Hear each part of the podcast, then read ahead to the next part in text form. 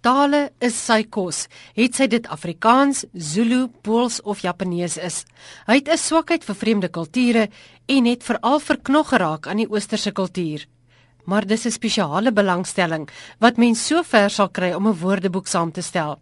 Professor Ernst Kotse het die uitdaging aangegryp en kyk met bevrediging na die byna voltooide elektroniese weergawe daarvan, asook die grammatikaboek wat reeds voltooi is. Daar is iets wat oor jare nou al kom, sê dat 1990 toe die eerste gedagtetjie geplant is by 'n kongres in Tokio deur my mede-samesteller professor Takashi Sakurai en dit het ryp geword oor die jare en dit het nou al hoe meer begin momentum kry. Hy sê hulle moes nou keurig navors oor die teikengroep wat die woordeboek en grammatika boek sou benut. Die groepie studente wat ons gehad het vir Afrikaans ook al 'n aanduiding van watter soort mense belangstel in Afrikaans want hulle het ingeskryf vir die kursus in Afrikaans en hulle sal dan eintlik waarskynlik die eerste mense wees wat wat daarvan gebruik sou maak. En ons het gevind dit is baie interessant. In die eerste plek is dit is daar 'n groot klomp mense wat in in Duits en Nederlands belangstelling in Japan. Hulle stel altyd belang in hierdie Germaanse taal wat in Afrika ontstaan het. Maar daar's ook mense wat in Suid-Afrikaanse geskiedenis belangstel. Engelse letterkunde van Suid-Afrika is deur spek van Afrikaans. Dan is daar ook die geweldige kommersiële bande tussen Suid-Afrika en en Japan wat oor die jare ontstaan het. Daar's oor die 200 Japanse maatskappye wat wat in in Suid-Afrika aktief is en ook byvoorbeeld landbouimplemente verkoop. Die Japaneese is gewoond daaraan dat niemand hulle verstaan nie, maar hulle verstaan gewoonlik handelsvernote se taal. Gewoonlik is dit Engels. En van hulle het ook laat blyk dat hulle nogal graag sou weet, jy weet, wat sê die boere vir mekaar? jy weet voordat ons uh, die implemente aan hulle verkoop. En daar's gereeld ook uh, Japaneese vlote wat aan die Kaap aandoen wat daar's toeriste wat hierheen kom wat daar is mense wat navorsing doen in, in sosiologie en in die Afrikaanse geskiedenis byvoorbeeld daar's baie bronne Afrikaanse bronne wat hulle sou wou raadpleeg.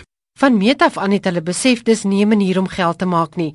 Dis moontlik gemaak deur navorsingsfondse en steun uit Japan.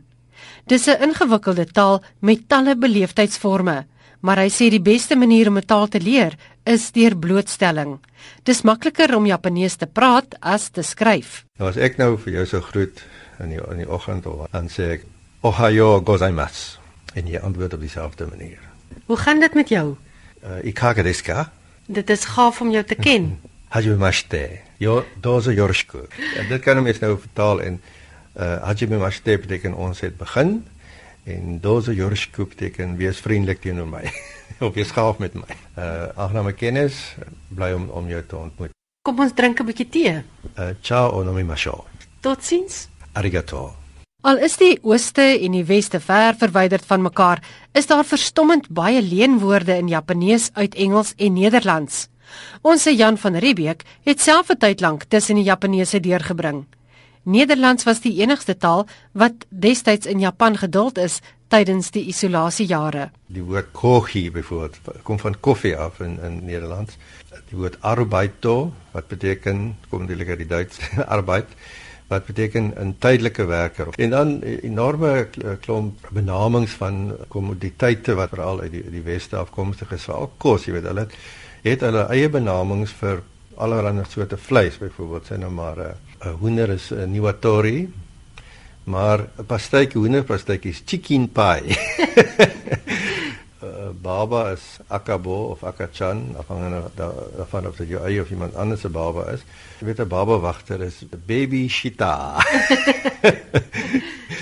vir al die die uh, terminologie wat byvoorbeeld sê maar samehang met met rekenaars soos computer en so voort is uh, is aanpassings van leenwoorde uit Engels, jy weet by by die Japaneese uitspraak. Professor Kotse geniet die werk, hoewel dit baie tydsaam is, maar die omvattende projek het die afgelope 3 jaar momentum gekry. Die komponente wat beoog word en, en ingewerk gaan word in hierdie woordeboek bestaan dan uit 'n alfabetiese ordening van byvoorbeeld Afrikaanse woorde met aanduiding, jy weet soos in enige woordeboek van van die die woordsoort byvoorbeeld of meervoudsvorme en dan 'n vertaling ook in in die Romeinse alfabet in Japanees van die Afrikaanse woord en dan daarmee saam ook die Japaneese skrif ekwivalent van die woord self.